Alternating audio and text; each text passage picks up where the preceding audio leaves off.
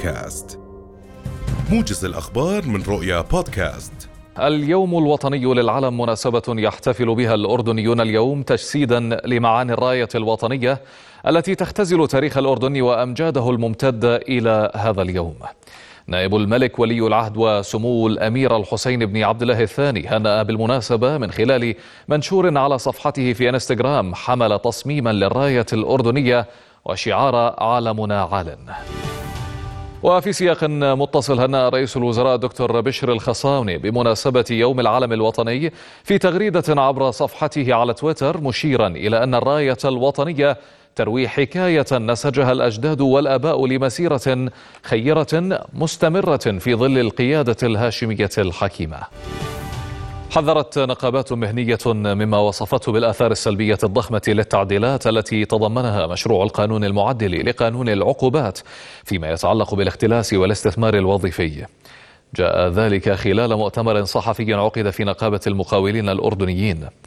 نقبيون قالوا إن الإشكالية في تعديلات القانون أنها تخلط العقد المدني بالعقود الجزائية معتبرين أن معاناة المقاولين مع البنوك ستتفاقم بعد إقرار التعديل فضلا عن الأثر السلبي على الاستثمار وعدد من القطاعات الاقتصادية وفق قولهم. بعد انقطاع دام لعامين بسبب جائحة كورونا يعود أهالي مدينة إربد لإقامة مأدبة إفطار للطلبة المغتربين في الجامعات الأردنية والتي كانت تقام بشكل سنوي للعام التاسع عشر على التوالي.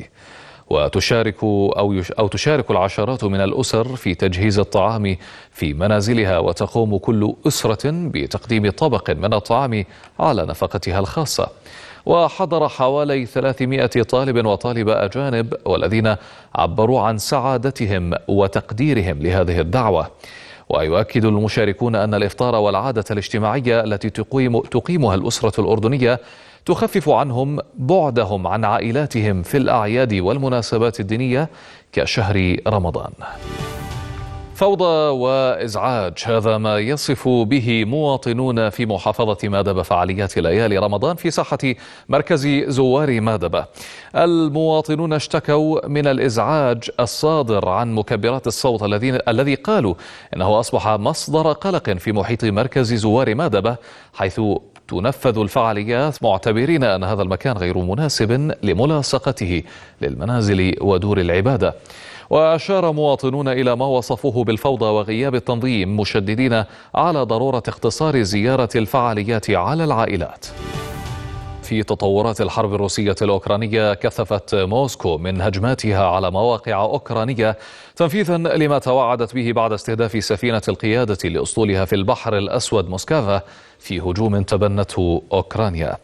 وزارة الدفاع الروسية أعلنت أن سلاح الجو دمر الليلة الماضية 67 منطقة تمركز فيها عناصر ومعدات عسكرية أوكرانية كما تم إسقاط مقاتلة أوكرانية جنوب مدينة إزيوم.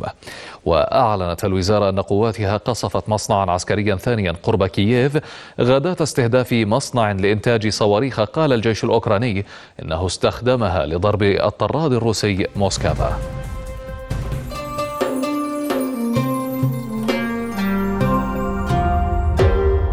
رؤيا بودكاست